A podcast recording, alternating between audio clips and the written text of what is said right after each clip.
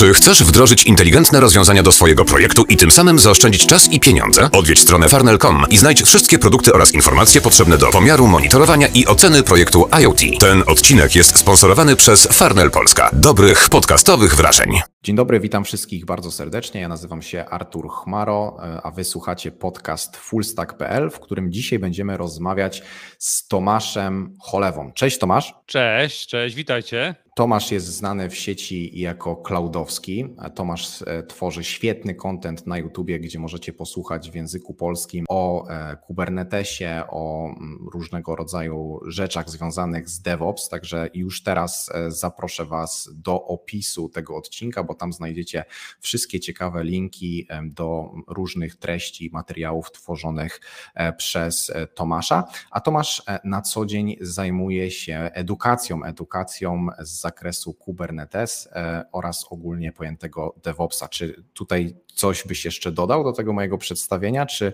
czy w miarę udało mi się e, to zgrabnie ująć? Tak, generalnie tak. Zajmuję się szeroko, bardzo szeroko rozumianym e, DevOpsem i ostatnio skupiam się na tym, aby rozwijać kariery osób, które są u nas w Polsce, które chcą E, tą wiedzę e, z zakresu DevOpsa zdobyć e, i pracować w tym bardzo, bardzo ciekawym E, obszarze. Myślę, że to super, że się tym zajmujesz i za chwileczkę sobie to wszystko rozłożymy na czynniki pierwsze. A dlaczego twierdzę, że super? Bo e, około rok temu do mojego zespołu w startupie szukaliśmy DevOpsa i było to bardzo ciężkie zadanie, żeby znaleźć faktycznie kompetentną osobę, e, więc myślę, że zapotrzebowanie na rynku na ludzi, którzy faktycznie wiedzą, jak to robić i którzy, którzy są po prostu no, doświadczeni w bojach DevOpsowych, to jest naprawdę duże zapotrzebowanie i, i ciężko jest o, o, takich sensownych ludzi, więc e, myślę, że wiele osób, które nas dzisiaj posłucha, być może dostaną takiego kopa napędowego, żeby po prostu zgłębić, e, zgłębić właśnie e, tę tematykę. Dokładnie, dokładnie i świat potrzebuje, nie tylko Polska, ale świat potrzebuje więcej osób, które będą tutaj działać i, i, stąd postanowiłem, że tak powiem, wyruszyć w taką podróż i, i pomóc wszystkim tym, którzy znajdą na tyle sił, e, chęci i wzbudzą w sobie wewnętrzną ciekawość, e, żeby, żeby taką podróż zacząć. Warto nas dzisiaj słuchać do końca, ponieważ Tomasz przygotował dla wszystkich e, słuchaczy dzisiejszego odcinka pewną niespodziankę, więc zostańcie tak. z nami do końca. Będzie niespodzianka związana z oczywiście DevOps, oczywiście z Kubernetes, ale dobra, na razie, na razie nie odkrywamy wszystkich kart.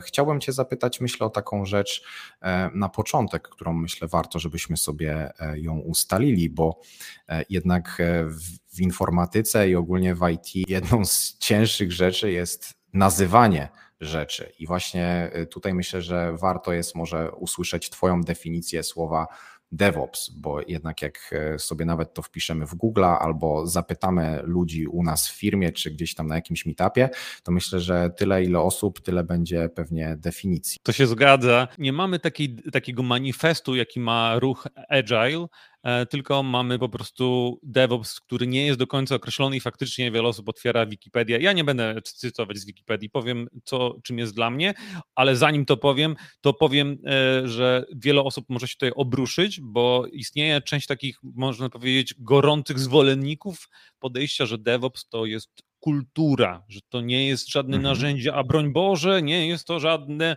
stanowisko i tak dalej.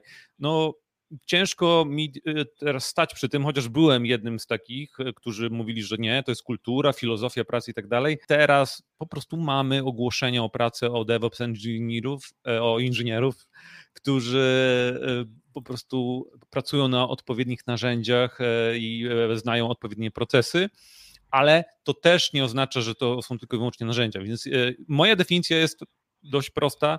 DevOps to jest miks e, technologii, e, właśnie e, technologii związanych z cloudem, Kubernetesem i tak dalej, z procesami, czyli jak to wszystko dobrze ułożyć ze sobą oraz kultury, bo żeby to wszystko zaczęło działać, to nie tylko musimy zmienić podejście, jeśli chodzi o technologię, ale musimy zmienić też coś w naszych głowach, czyli takie tak zwane po angielsku mindset, czyli po prostu podejście. To jest taka mhm. moja krótka definicja. No i ta definicja mi się bardzo podoba. Oczywiście pewnie w mniejszych zespołach e, taki DevOps, no to zwykle jest jedna osoba, w większych firmach pewnie jest to cały, e, całe piętro danego budynku e, osób. Jeśli jest się... jakim obsadzić, bo wiesz, bywają problemy.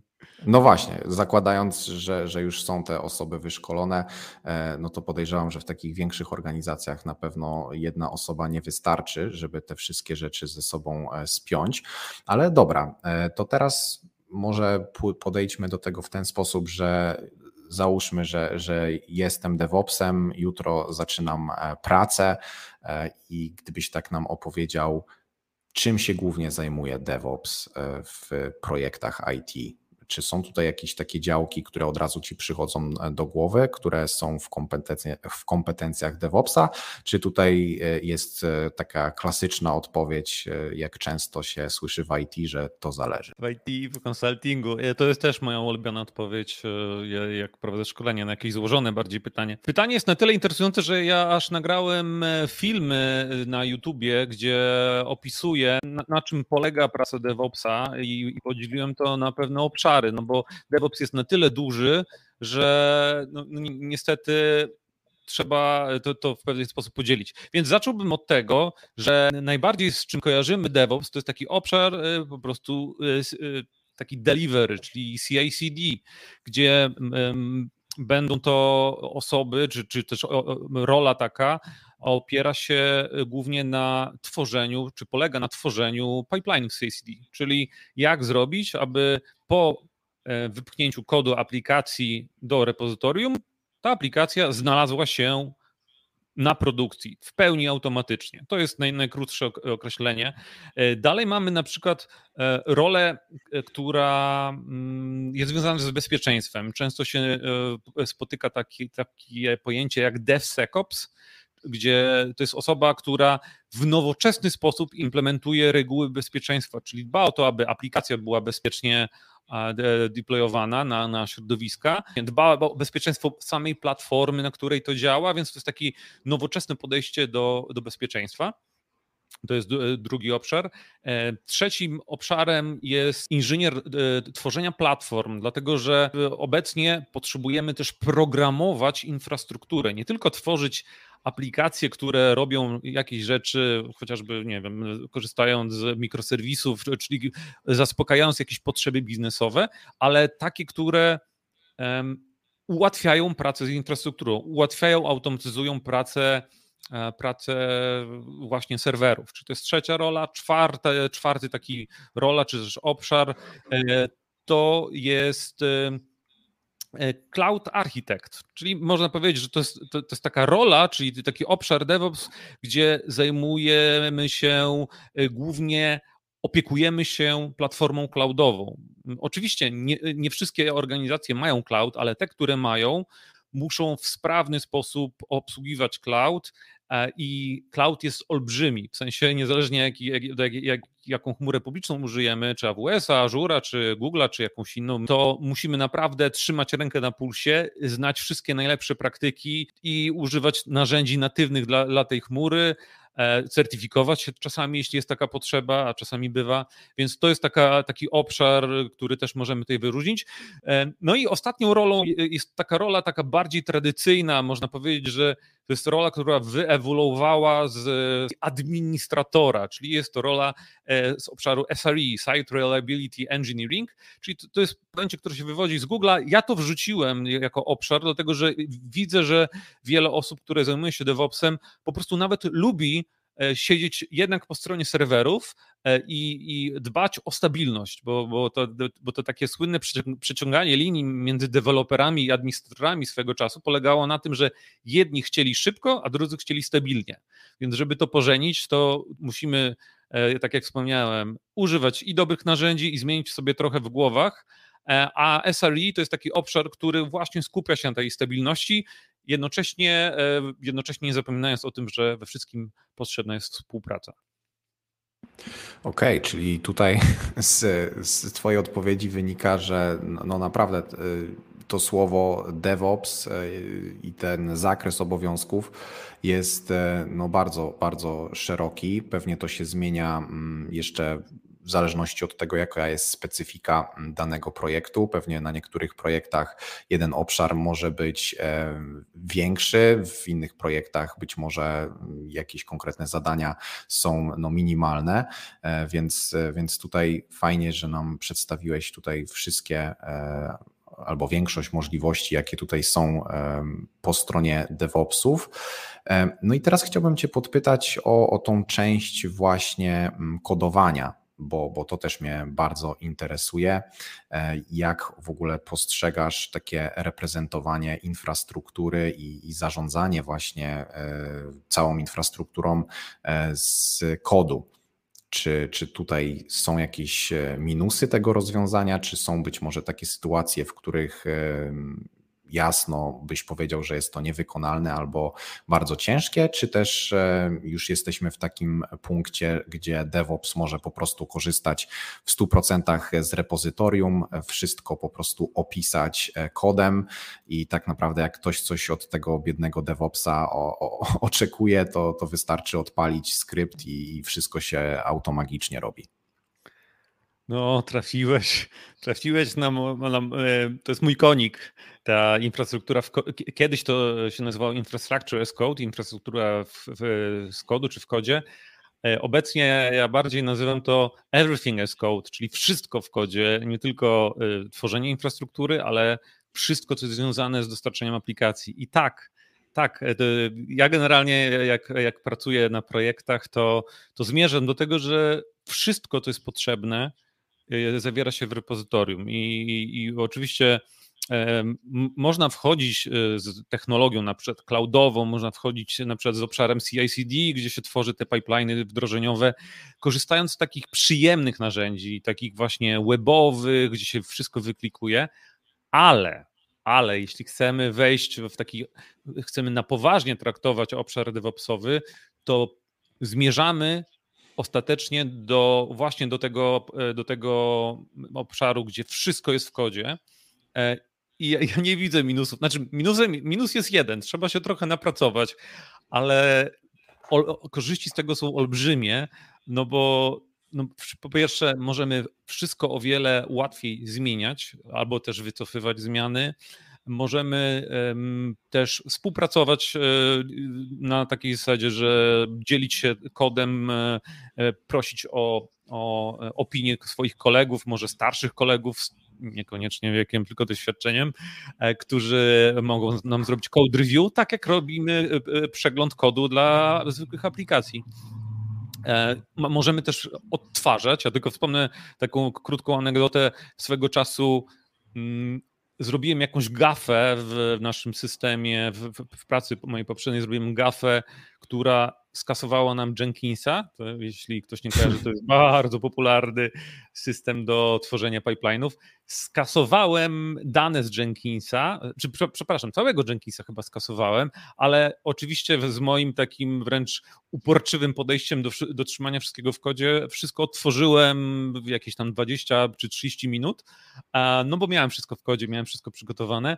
Co prawda, bo to, to jeszcze nie była produkcja, straciliśmy jakieś dane z, z jakiejś e, historii budowy aplikacji, ale przywróciłem bardzo szybko i to jest taki przykład, który się e, nie tylko u mnie zdarza. No i, i to naprawdę ułatwia i, i czyni pracę przyjemną, bo to, co irytuje z tego, co rozmawiam z programistami, to właśnie programistów i nie tylko, jest to, że na wszystko trzeba czekać, że, że zamiast e, uruchomić automat albo żeby to się wszystko samo robiło, e, to musimy kogoś prosić, żeby ktoś kliknął gdzieś, uruchomił coś. Nie, to nie tak być powinno. Wszystko powinno być zrobione, żeby się działało automatycznie, a co najwyżej jakieś usprawnienia e, dodajemy, no ale oczywiście też w kodzie i, i to jest oczywiście dłuższy proces, więc zdecydowanie wszystko w kodzie. E, to, że ktoś opisze infrastrukturę kodem, e, nie gwarantuje nam tego, że tam nie będzie żadnych baboli i że, e, że, że, że po prostu wszystko będzie zawsze działać tak jak tutaj autor miał na myśli. I teraz chciałbym się Cię zapytać, czy być może przychodzą Ci do głowy jakieś takie najczęstsze mm, problemy albo takie częste błędy nowicjuszy, którzy podchodzą właśnie do, do infrastruktury w taki sposób, że ją budują z użyciem kodu. Czy, czy tutaj e, przychodzą Ci do głowy jakieś takie mm, częste po prostu e, błędy, być może w samym kodzie albo wręcz w myśleniu? No, błędy się zdarzają, bo e, właśnie, właśnie pochwaliłem się moim błędem. I on wynikał de facto, wynikał dokładnie z jakiejś mojej pomyłki, która była wprowadzona w kodzie i ten błąd właśnie był, był skasował pewną, pewien element. Mhm. Na pewno posiadanie jednego środowiska to byłoby, czyli, czyli takie słynne e, testujemy na produkcji, to wydaje mi się, że to pochodzi bardziej z, okay. ze świata programistycznego. Tak samo tutaj to też się da przełożyć na, że testujemy na infrastrukturze produkcyjnej. No, no, no, no nie, to nie byłby dobry pomysł.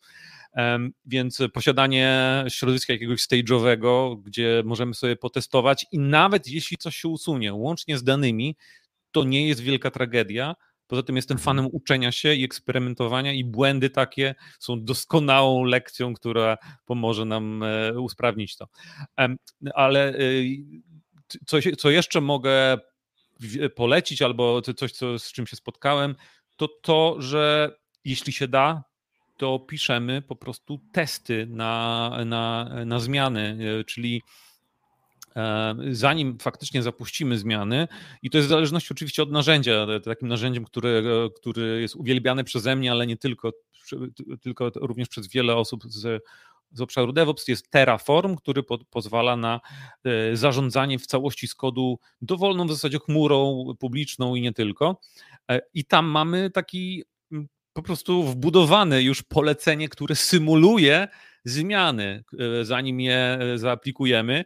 E, no, więc e, oczywiście istnieje pokusa, że a tam znam się lepiej, to tylko była drobna zmiana i, i automatyczne aplikowanie, więc e, to, to jest pokusa, ale dodatkowo też można napisać testy, testy, które faktycznie sprawdzą, jeśli do infrastruktury w kodzie i podejdziemy do, jak do pisania kodu, to możemy też pisać takie testy jednostkowe nawet, gdzie e, rozbijamy sobie nasz kod infrastruktury na pewne moduły i, i do tych modułów piszemy, wersjonujemy sobie te moduły i, i też piszemy do nich testy.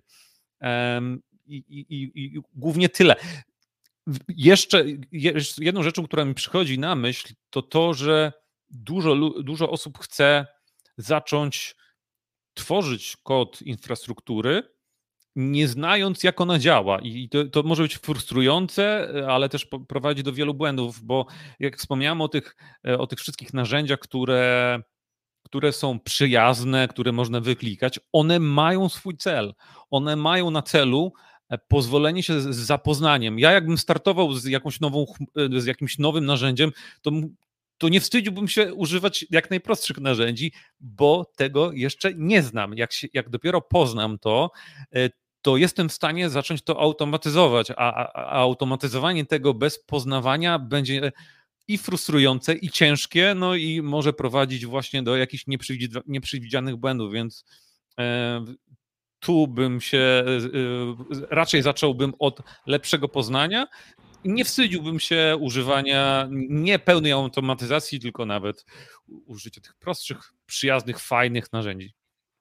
Mhm. No to jest taki, myślę, uniwersalny tip e, za każdym razem, kiedy musi powstać jakiś kod, i to też widzę często u programistów, że ktoś tak bierze się od razu do pracy, od razu siada do tego kodu, tak naprawdę nie rozumiejąc, e, co musi być rezultatem e, tej, tej, tej, tej logiki, którą ktoś zaczyna już implementować. I tutaj też mi się kojarzy to z tym, co powiedziałeś, że, że właśnie ktoś się zabiera za infrastrukturę, e, za okodowanie tego, nie znając tak naprawdę wymagań i, i celów, jakie e, dana aplikacja musi realizować. Chciałbym Cię teraz podpytać o, o, o Terraforma, bo on tutaj tak mnie zaciekawił. Powiedziałeś właśnie, że, że możemy sobie pisać testy i teraz tak jak ja piszę sobie testy jakieś tam backendowe, czy, czy czasami frontendowe, no to tam często zachodzi potrzeba zamokowania czegoś, tak? Czyli po prostu udajemy, że jakiś kod e, się wykonuje e, albo uderza do jakiegoś zewnętrznego serwisu, ale oczywiście w testach, no jakby w rzeczywistości nie uderzamy do tego serwisu. I teraz właśnie mm, ciekaw jestem, jak to jest rozwiązywane w infrastrukturze, gdy testujemy kod, który w rzeczywistości może korzystać z jakiejś usługi, na przykład na Amazonie. E, I teraz e, na ile te testy, mm, czy, czy ten Terraform jest w stanie sobie poradzić z taką sytuacją, e, że my tak naprawdę symulujemy wdrożenie czegoś, a jednak nie uderzamy na końcu do tego faktycznego serwera, który gdzieś tam w tym AWS-ie stoi, czy to jest w ogóle wykonalne, czy czasami jest tak, że, że po prostu lepiej już po prostu użyć tego Terraforma na tej naszej końcowej maszynie w AWS-ie i faktycznie jak wtedy to zadziała na tym stagingu, no to mamy pełność, pewność, że, że wszystko jest dobrze. To jest właśnie trochę, można powiedzieć, tricky, e, trochę podchwytliwe, bo e, Terraform takim prostym testem, bez pisania czegokolwiek, jest właśnie w Terraformie mm, tak jak taka komenda, już y, y, powiem dokładnie jak się nazywa, plan, gdzie, gdzie, gdzie jest taki dry run po prostu, tak? gdzie y, wypisze nam, jeśli kod jest prawidłowy, to wypisze co by zrobił, ale bez dotykania API, czyli bez kontaktowania się z serwisem.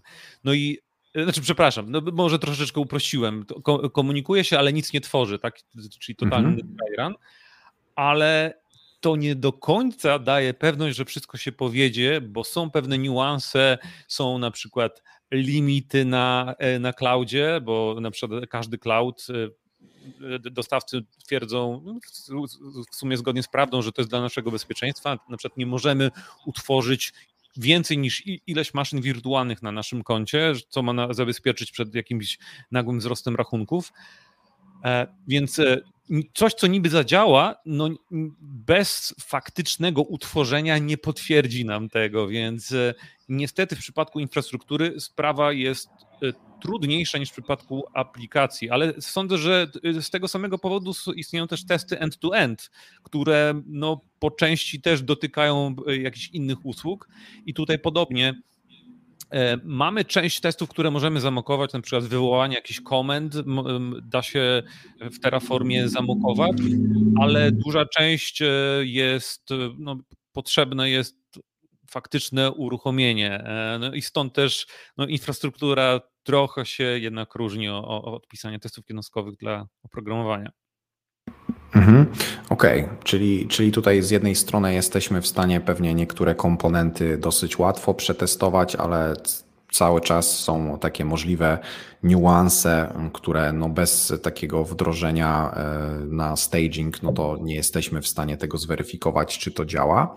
Natomiast e, chciałem jeszcze tutaj podpytać o mm, takie podejście platform agnostic, czyli e, dajmy na to, korzystam sobie z Terraforma, napiszę dzisiaj skrypt, który jest w stanie wdrożyć moją usługę do AWS-a, ale na przykład AWS e, zmienia swój e, pricing albo nie wiem, wprowadza jakieś dziwne reguły, które już mi się nie podobają.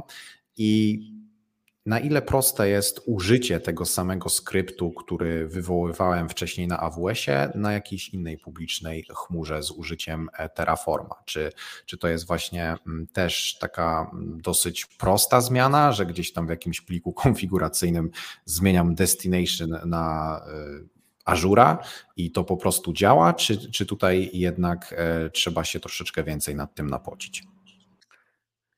To drugie niestety, bo Terraform ma tak zwanych prowajderów, czyli ma przepis na to, jak ma wykonać coś na jakiejś, na jakiejś chmurze. I pomimo, pomimo tego, że chmury publiczne są podobne, jeśli chodzi o koncepcję, to o implementację tego, jak się e, tworzy rzeczy, są różne. Czyli inne są wywołania API, inne jest modelowanie obiektów tam.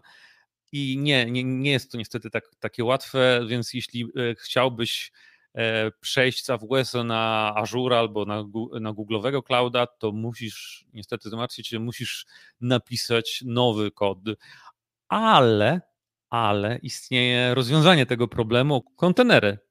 I mówię to o tym słynnym Dockerze, ale generalnie o pojęciu kontenerów, ale to to mniej więcej zapewniłoby nam jakieś proste scenariusze, ale tym słowem i tym moim też ulubionym projektem jest Kubernetes. I Kubernetes właśnie umożliwia przenoszalność między dowolnym cloudem i nie tylko, czyli można przenosić nasze aplikacje ze swojego własnego laptopa, ze swojej stacji roboczej na serwery w serwerowniach poza cloudem, e, a następnie na dowolny cloud, nawet te jakieś mniejsze cloudy.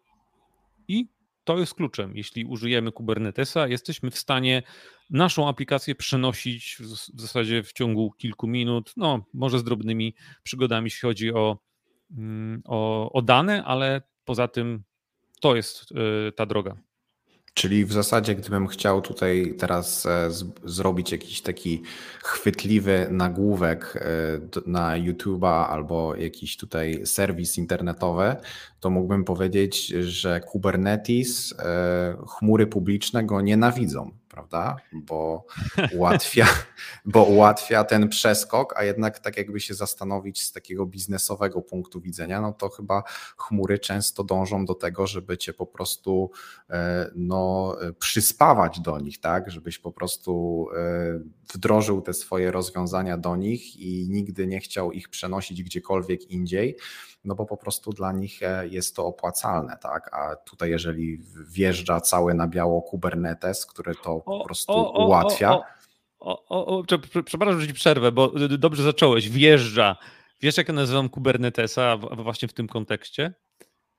Koniem Dawaj. trojańskim, bo Kubernetes został napisany jako projekt open source'owy w Google e, i wypuszczony Aha. i teraz stał się tak super popularny e, i dzięki temu Google że tak powiem, zmusił wszystkich dostawców chmury publicznej, żeby mieli Kubernetesa, no bo deweloperzy już wybrali, świat już wybrał i dzięki temu łatwiej się przenosić między chmurami i to faktycznie nie wszystkim dostawcom pasuje, dlatego też e, są metody na to, żeby zatrzymać nawet osoby korzystające z Kubernetesa w chmurze w danym cloudzie, ale jeśli postaramy się nieznacznie, to unikniemy takiej pułapki właśnie typu vendor locking i będziemy w stanie się przynosić swobodnie. Mhm, mhm. To jeszcze bym Cię tutaj podpytał, jak już jesteśmy przy e, Kubernetesie. Um, oczywiście polecamy wszystkim, żebyście się zapoznali z opisem do tego odcinka, bo tam znajdziecie e, link do tutaj różnych rzeczy od Tomka, które Wam pozwolą e, zgłębić ten świat Kubernetesa i nauczyć się go po prostu od podstaw.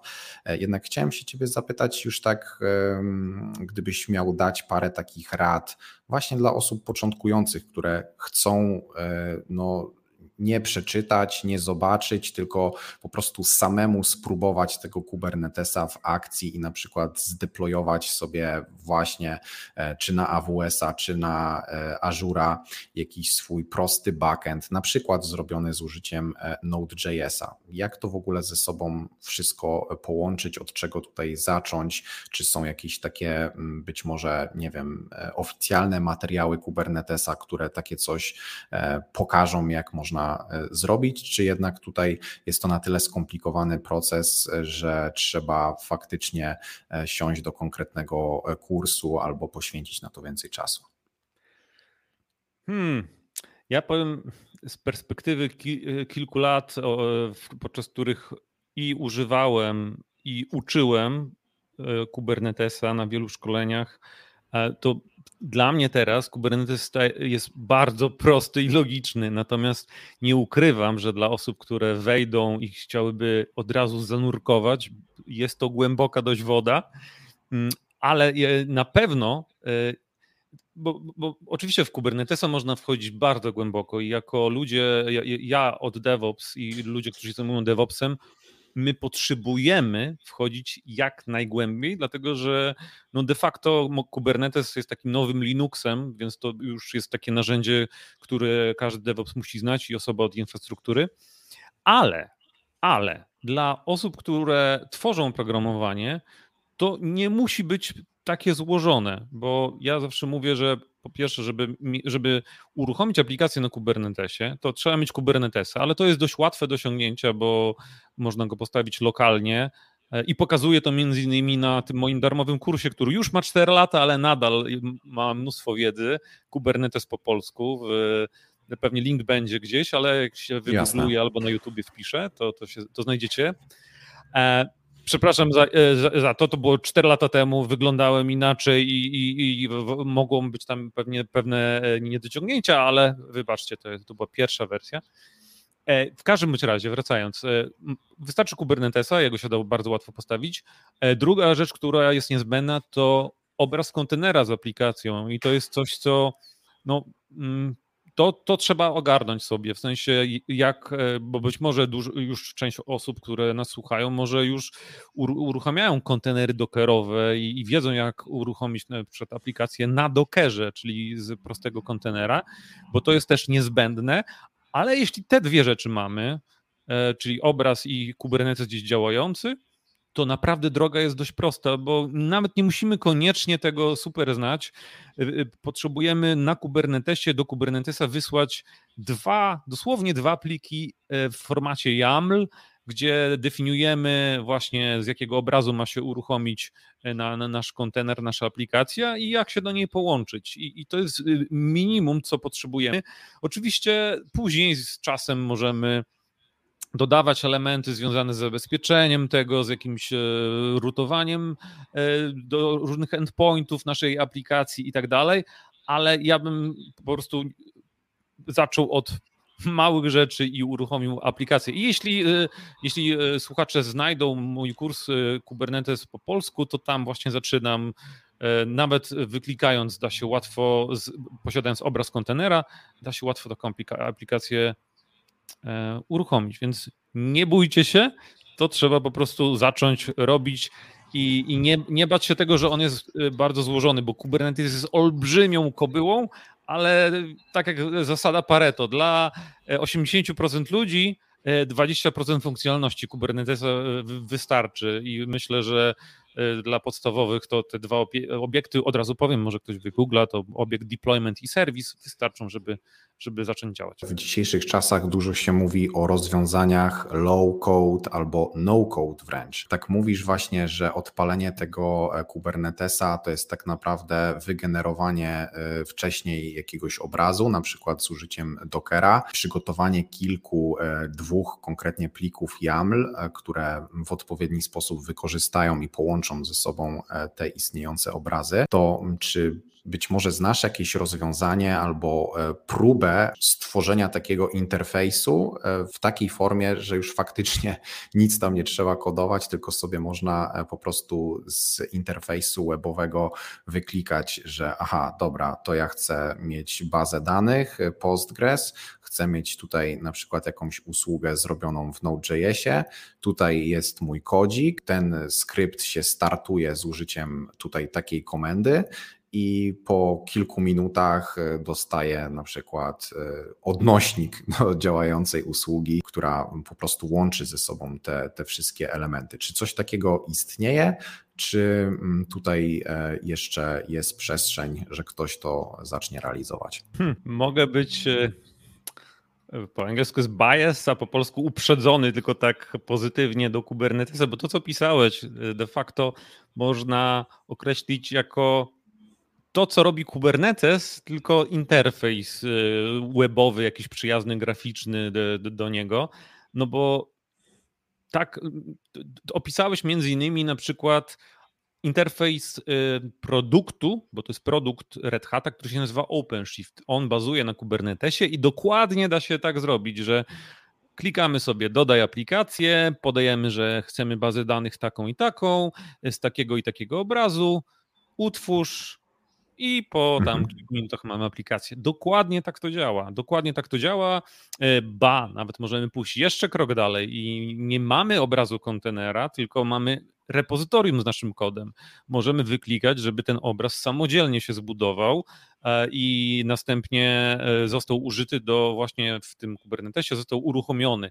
Więc to jest rozwiązanie, które jest gotowe, tylko ona występuje w wersji płatnej w postaci produktu OpenShift. To jest według mnie najlepszy Kubernetes, jaki jest, ale jednocześnie chyba póki co najdroższy, ale warte według mnie ceny, jeśli ma się odpowiedni budżet. Natomiast jeśli ktoś chce eksperymentować, to, to podobną rzecz znajdzie w jego odpowiedniku open source'owym, nazywa się OKD. To jest taki projekt, który umożliwia to samo, no, tylko bez wsparcia i wiadomo, ale ma ten sam interfejs, więc można się pobawić, bo generalnie nie znam tak dobrego tak dobrego interfejsu graficznego, przyjaznego użytkownikowi, jaki ma właśnie produkt e, Red Hata, czy też projekt OKD.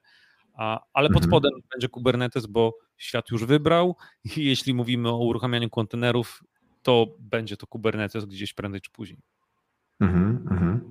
Fajnie. Myślę, że jeżeli już jest jedno takie e, narzędzie, które faktycznie działa w ten sposób, no to pewnie to będzie kwestia czasu, kiedy się pojawią kolejne narzędzia, być może nie aż takie zaawansowane, ale też E, wystarczające do jakichś takich prostszych e, zastosowań, no bo jak gdybyś nawet zerknąć na statystyki e, internetu, jak to wygląda teraz, no to większość stron to są jakieś na przykład WordPressy, które do działania potrzebują serwer HTTP, PHP i połączenie z bazą. No i jestem w stanie sobie wyobrazić, że jak ktoś ma taki poczytny blog albo taką poczytną stronę, mm, no to tak naprawdę może sobie wyklikać e, taki swój własny klaster e, kubernetesowy, w którym już po prostu będzie wdrożony nawet taki WordPress czy, czy jakaś inna gotowa aplikacja do na przykład obsługi e, e-commerce'owych rzeczy. Więc myślę, że, że tutaj będzie pewnie przestrzeń, żeby się pojawiało coraz więcej takich projektów. To się, to się dzieje i tego będzie coraz więcej, no bo alternatywą jest, jest używanie tego, co używaliśmy do tej pory, czyli klasycznie maszyn wirtualnych, jakiegoś logowania na nie i tak dalej. Przechodzimy z tego modelu w model kontenerów, a kontenery to Kubernetes. Mhm. I teraz załóżmy, że jestem programistą, który y, nagle chce się troszeczkę przebranżowić w stronę DevOpsa, tak? Czyli y, potrafię pisać kod, jestem w stanie obsługiwać Gita, gdzieś tam kiedyś y, korzystałem z jakiegoś Ubuntu, potrafię sobie mm, napisać nawet jakieś proste rzeczy w Bashu, to teraz gdybyś miał taką osobę pokierować w stronę właśnie takiego rozwoju mm, DevOpsowego, jakie są tutaj niezbędne umiejętności, e, które Twoim zdaniem no, są niezbędne, e, i jak można zacząć, od czego zacząć i jak, jak byś ukierunkował taką osobę?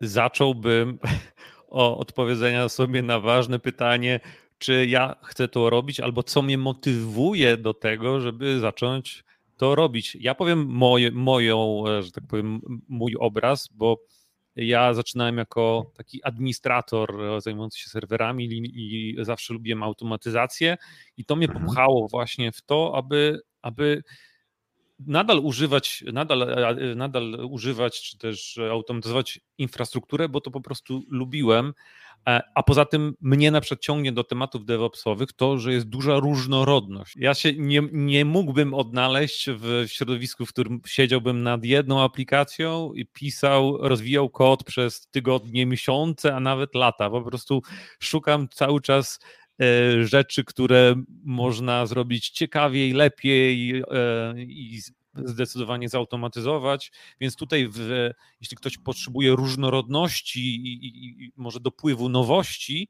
to, to, to jest dokładnie ten obszar. Więc e, zacząłbym od tego, co mnie motywuje, jeśli znajdę taką motywację, to, to już jest e, z górki, że tak powiem. A od czego bym zaczął? No nie oszukujmy się, że e, obecnie cloud jest tym elementem, który, który jest w większości organizacji używanych, nie we wszystkich, ale zdecydowanie poleciłbym e, zainteresowanie się cloudem. Ja lubię AWS-a, od niego zaczynałem, ale jeśli ktoś używa na przykład w pracy Azura, to niech, czy ma dostęp do Azura, to niech używa Azura, niech, niech się zainteresuje, więc cloud jest tym niezbędnym elementem. Jeśli obok cloudu wspomnę mój ulubiony Kubernetes, dlatego że, tak jak wspomniałem, on jest takim nowym Linuxem. On będzie, to jest rozproszony tak jakby Linux i e, nawet jeśli jest cloud, to pojawia się na nim też Kubernetes, ten koń trojański, a nawet jeśli cloudu nie ma, to ten Kubernetes może się pojawić po prostu na serwerach, więc to są takie dwa, e, dwa elementy, które e, często ze sobą idą z takich e, narzędzi. Co jeszcze e, mogę polecić?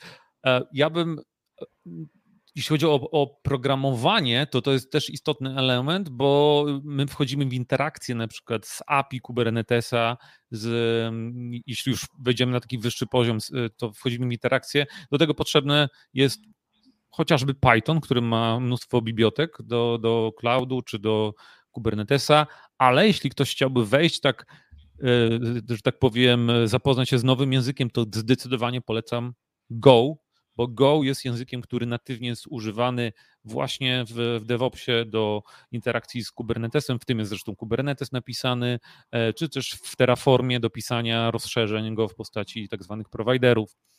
A więc to, to są na pewno te elementy. Jeszcze do tego dodałbym Basha, bo pomimo wszystko Bash Shell jest używany wszędzie. No i takie jeszcze dwa obszary, czyli ten CACD, o którym wspomniałem opisując rolę, bo na samym końcu po co powstał DevOps? Po to, aby przyspieszyć działanie, aby przyspieszyć wdrażanie aplikacji, więc musimy wiedzieć, jak to, jak zautomatyzować e, wdrażanie aplikacji od E, zamieniamy go w jakąś postać binarną albo również w obrazy kontenerów od razu i wdroży, wdrożyć to na czy cloud, czy na Kubernetesa, czy na inną platformę. A ostatnim takim obszarem, który jest modny, a który też bardzo ułatwia właśnie to podejście Everything as Code, jest taki obszar GitOps i, i, e, i też to jest obszar, który może na początku e, może może bym to od, y, trochę mm, odwlekł na, na, na później, ale to jest też obszar, który, który zdecydowanie polecam. W ogóle te wszystkie rzeczy opisałem bardziej szczegółowo w jednym z filmów na YouTubie, więc y, żeby tutaj nie, nie zanudzać e, słuchaczy, to na pewno umieścimy link do tego. Tak, a gdybyś mógł jeszcze mm, trochę nam rozwinąć tego GitOpsa, bo powiem szczerze, że dosyć mnie zaintrygowałeś stwierdzeniem, że, że to jest takie e, teraz e, modne, e, a nie spotkałem się wcześniej z tym terminem. Okej, okay. no dobrze, to może krótko piszę. GitOps jest takim podejściem, bo ma Git, Ops jak Operations, czyli zarządzanie, czyli zarządzanie wszystkim właśnie z poziomu kodu, czyli de facto to jest implementacja podejścia mojego takiego, które nazwałem Everything as Code. I nie tylko ja, no, nie, nie czuję się autorem tego, ale GitOps jest taką implementacją, gdzie e, głównie pozwala na osiągnięcie tego stanu właśnie Kubernetes, bo w Kubernetesie wszystko da się opisać albo obrazami kontenerów, albo kodem w YAML-u, ewentualnie pisząc jakiś dedykowany operator w Go. I GitOps e, wraz z projektem, który się nazywa Argo CD, pozwala właśnie e, zarządzać wszystkim w postaci komitów do Gita, czyli nie używamy nic z naszej stacji roboczej. Jedynie wszelkie zmiany polegają na zmian, zmianie kodu, e, następnie publikowaniu go w repozytorium Gita, z którego to oczywiście pod, po, po na przykład operacjach typu e, merge do głównej gałęzi oraz po jakimś sprawdzeniu jakieś narzędzie, właśnie między innymi Argo CD, weźmie ten kod i po prostu zaaplikuje i dodatkowo będzie trzy, upewni, upewni się, że ten kod e, e, się zaaplikuje i będzie utrzymywany, nawet jeśli ktoś e, zmiany wprowadzi ręcznie, albo na przykład kod ten zostanie wprowadzony na wielu klastrach jednocześnie. Opcji jest multum, ale to jest właśnie podejście, implementacja wszystkiego w kodzie, wykorzystując Git jako jedyne źródło prawdy. Mhm, mhm. Świetnie, tutaj też, też mamy wtedy takie mm, kilka elementów za darmo, czyli tak naprawdę łatwość kolaboracji nad tym kodem, prawda? No bo jednak wcześniej infrastruktura była takim nieuchwytnym elementem troszeczkę, tak? Jak ktoś e, z, zaplanował tą infrastrukturę i nie udokumentował tego, to często ciężko było się po prostu w tym wszystkim połapać. Natomiast tutaj mamy takie jedno źródło prawdy na temat tej infrastruktury i wtedy y, wydaje wydaje mi się, że jest dużo łatwiej przekazać nawet y, taką infrastrukturę innemu zespołowi, no bo po prostu mamy to w naszym gicie, ktoś może to zrewiłować, ktoś może ściągnąć ten kod, odpalić sobie go na swoim stagingu, na swoim jakimś e, środowisku i na pewno wtedy dużo łatwiej się nad tym wszystkim kolaboruje. Tak, nawet, nawet yy, mogę powiedzieć, że to się robi wręcz nudne, bo po prostu jeśli są już zmiany wprowadzane w ten sposób, jest mniej więcej to przewidywalne, to jeśli nie wystąpią jakieś duże awarie, no to wszystko się dzieje samo. Jest, jest to taki samograj i, i, i trzeba szukać wtedy aż nowego obszaru do, do rozwoju siebie i, i, i e, szukania jakichś nowych technologii, żeby się, żeby ten czas czymś wypełnić. Mhm. A ciekaw jestem Twojego zdania, mm, jak już właśnie jesteśmy przy tym upraszczaniu, przy tym takim e, wręcz jak to powiedziałeś, że to się staje takie nudne. E, co sądzisz o takim, nie wiem, e, kierunku, czy, czy, czy, czy tak będzie w przyszłości, że będzie coraz mniejsze zapotrzebowanie na takie osobne rolę w zespole, czyli że teraz mamy na przykład backend dewelopera, jakiegoś tam frontend dewelopera, e, mamy właśnie DevOpsa albo jakiegoś tam e, admina e, Linuxa, tak, jak, jak zwał, tak zwał, ale że teraz mamy po prostu mocno te role rozproszone w, w zespole, a za jakiś czas być może Frontend będziemy pisać prościej, bo będziemy mieli gotowe komponenty, gotowe formatki. Backend będziemy mogli sobie gdzieś tam go wyklikać, połączyć ze sobą kilka bloczków. Do tego będziemy mieli infrastrukturę, którą też jesteśmy w stanie łatwo reużywać między różnymi projektami, jeżeli mamy dostęp do, do takiego repozytorium. I czy Twoim zdaniem w pewnym momencie może się okazać, że tak naprawdę, żeby postawić taki dosyć zaawansowany projekt, jest potrzebna jedna, góra, dwie osoby?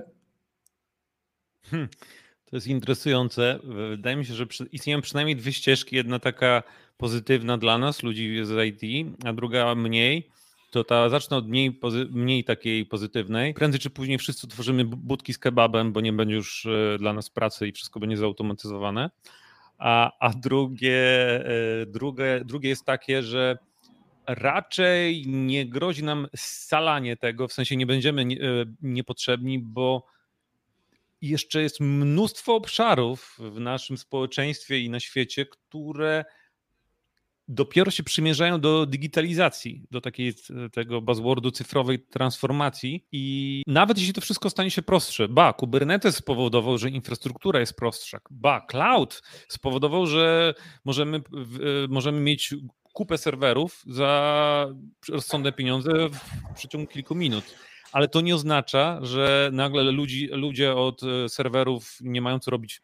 Mają, tylko zmieniają się narzędzia, ale cały czas będzie potrzebne to, co nigdy nie zniknie. Zawsze będzie potrzebna interakcja ludzi, żeby po pierwsze dogadać się, co jest potrzebne, jakie są wyzwania, trochę feedbacku pozytywnego i negatywnego, więc to się nie zmieni. Na pewno będziemy wchodzić na coraz wyższe warstwy abstrakcji, tak jak kiedyś był assembler C, C++, to teraz mamy języki wyższego rzędu. Niektórzy lubią wciąż te niższego rzędu, ale na przykład Kubernetes bardzo dużo rzeczy chowa, które są związane z Linuxem. Ja na przykład wiem, jak to działa, więc mi łatwiej tłumaczyć jest nawet rzeczy związane z Kubernetesem, ale pojawią się po prostu nawet, wydaje mi się, nawet inne role. Może właśnie tak jak klasyczni administratorzy no nie opiekują się stricte serwerami. Teraz bardziej, jeśli będzie Kubernetes rozprzestrzeniony, to będą opiekować się platformami Kubernetesa albo na przykład będą tworzyć y, mm, systemy chmurowe,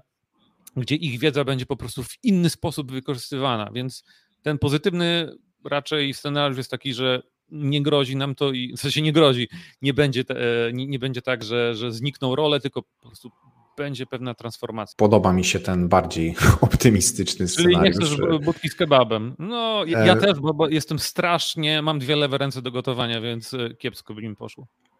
No właśnie I, i też myślę, że jakby wszyscy się zabrali za otwieranie tych budek, to ciężko by było e, utrzymać stawki, do których jesteśmy teraz przyzwyczajeni Prawda? w branży, w branży IT. Premium jakieś kebaby albo wiesz, kebaby. No nie, nie, ciężko mi teraz wymyślić, dlatego nie myślę o tym scenariuszu. Tak, trzymajmy się tego e, pierwszego, znaczy tego w zasadzie bardziej pozytywnego. E, chciałem Ci jeszcze, bo już e, chciałbym zmierzać do końca naszego dzisiejszego ciekawego podcastu. Przypominam, że mamy jeszcze tutaj dla Was niespodziankę. Niespodzianka za chwilkę. Natomiast chciałbym Cię jeszcze podpytać o takie Twoje ulubione narzędzia, z których korzystasz czy w swoich kursach, czy w swojej codziennej pracy. I mam tutaj na myśli już takie coś bardziej konkretnego, czyli może nie Kubernetes, tak, ale na przykład jakaś biblioteka albo jakieś narzędzie, jakiś e, pakiet, który, nie wiem, ułatwia coś w codziennej pracy albo wspomaga na przykład, nie wiem, monitoring, analitykę. E, czy tutaj ci przychodzi e, do głowy jakieś takie mm, twoje ulubione narzędzie? Jako ten entuzjasta Kubernetesa muszę powiedzieć, że sporo życia odzyskałem, odkąd e, korzystam z narzędzia. Jeśli e, drodzy nasi słuchacze będą korzystać z Kubernetesa, polecam narzędzie K9S i opisałem je też w którymś z moich filmów na YouTubie i to jest narzędzie, które jest rewelacyjne. Ja jestem prostym człowiekiem, używam generalnie na e, generalnie używam na moim na mojej stacji przeglądarki i linii komend. Do tego dorzucam, no właśnie, w linii komend się obsługuje właśnie K9S, to jest świetne narzędzie command line'owe, a dodatkowo mi na przykład e, swego czasu byłem fanem VI czy Vima, ale przemogłem się i, i że tak powiem, wszedłem na, na stronę używania graficznego edytora i bardzo lubię VS Code z odpowiednimi rozszerzeniami. Ułatwiają mi po prostu pracę z pisaniem manifestów, czyli tych plików YAML dla Kubernetesa oraz dla pisania mojego kodu terraformowego, gdzie mam autocompletion i tak dalej. Więc generalnie ja używam command line'a, więc o właśnie, mogę powiedzieć, że uwielbiam e, mój e, terminal, którym jest iTerm 2 na moim Macu, bo po prostu to jest używam go, nie wiem, 50-60% e, czasu właśnie e, e, operując na cloudzie czy Kubernetesie. I głównie tyle. Ja być może mam sporo narzędzi, ale nawet ja je używam automatycznie, więc jedyne, co mi przyszło do głowy, to ten K9S i VS Code z odpowiednimi rozszerzeniami. E, czyli można powiedzieć, że K9S jest, jest takim command line'owym e, programem, narzędziem, który pośredniczy pomiędzy tobą a na przykład jakimś klastrem kubernetesowym, także wieloma że, klastrami, jesteś... tak, tak. I, i, jest, jest ekstremalnie użyteczny i e, dla tych, którzy lubią command line, skróty kla, klawiaturowe, to no jest rewelacyjne, aż sam się dziwię, że jest to projekt open source'owy Lubię, e, lubię, o, o, lubię narzędzia graficzne, ale prędzej czy później na samym końcu klawiatura jest najszybsza i, i ten command line, który da się zainstalować wszędzie, jest e, zawsze wygrywa. Mhm, mhm. Jasne. Podlinkujemy e, to narzędzie w opisie do tego odcinka. E, a teraz chciałbym e, poprosić Cię o odkrycie tej naszej dzisiejszej niespodzianki, którą zostawiliśmy na koniec tego nagrania. Tak, tak. Przygotowałem taką niespodziankę. W zasadzie jest to przepis, krok po kroku, przepis na i na używanie, na, na stworzenie darmowego klastra w Kubernetesa w cloudzie, zupełnie darmowy. Pobrało już, e, bo to mówię o e-booku, którego link e, znajdziecie w opisie tego odcinka. Dzięki temu przepisowi, gdzie krok po kroku ze screenshotami, ze wszystkimi komendami opisuje, jak utworzyć sobie taki klaster, żeby on sobie siedział w cloudzie, żeby wam służył do uczenia się, poznawania lub też używania hobbystycznego Kubernetesa. Naprawdę to działa. Sam używam, nie płacę ani centa. E, po prostu używana jest tam pewna jedna sztuczka, ale jest to wszystko legalnie, więc e, zachęcam do pobrania i do też eksperymentowania. Więc e, Artur na pewno umieści linka i możecie sobie to pobrać. Jasne, jasne. Link już czeka na naszych słuchaczy w opisie.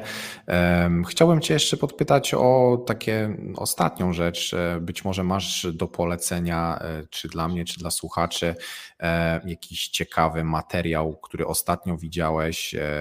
Nie musi być związany z Kubernetesem czy DevOpsem, po prostu jakaś taka ciekawa rzecz, która myślisz, że, że mogłaby też zainteresować naszych słuchaczy. Wiem, co mogę polecić.